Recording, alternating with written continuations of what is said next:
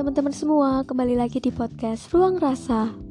Seneng seneng seneng seneng banget bisa ketemu kalian lagi di episode kali ini.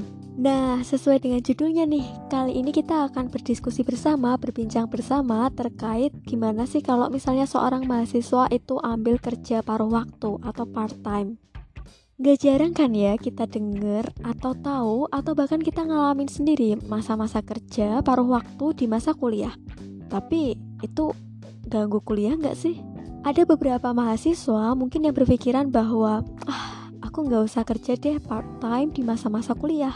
Tapi eh tapi nggak mungkin deh setiap apa yang kita lakukan itu tanpa alasan. Mungkin kita memang sudah tidak keberatan dalam hal finansial, kita sudah cukup, sudah mapan.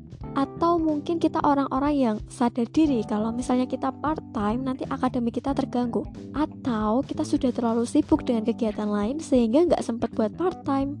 Yang jelas kalau bagiku ya para mahasiswa yang ngambil part time itu mahasiswa-mahasiswa yang emang bekerja keras terus juga mereka orang-orang yang hebat.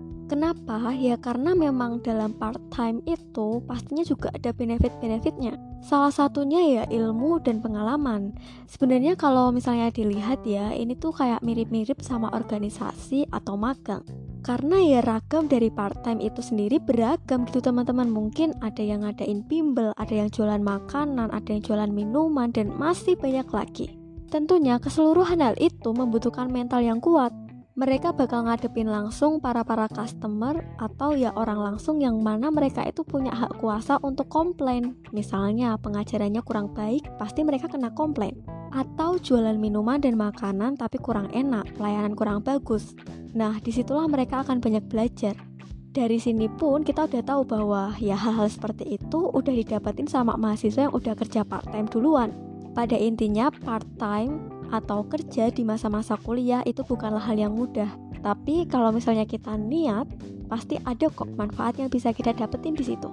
Yang pasti, kalau misalnya teman-teman mau memutuskan untuk ngambil part-time, kalian harus punya niat dan tujuan tersendiri. Bukan hanya asal-asalan aku mau part-time, aku mau kerja untuk mengisi waktu luang saja, tapi coba deh buat rincian yang lebih terperinci. Kira-kira berapa target yang harus aku capai selama part-time ini dalam kurun waktu 6 bulan misal. Kalian juga bisa mengira-ngira sebelum kalian mendaftar, hmm, apakah apa yang telah kita rencanakan ini bisa terrealisasikan atau kira-kira berapa persen keberhasilan ketercapaian dari target yang telah kita tetapkan. Jadinya nanti kalian juga bakal lebih enjoy gitu.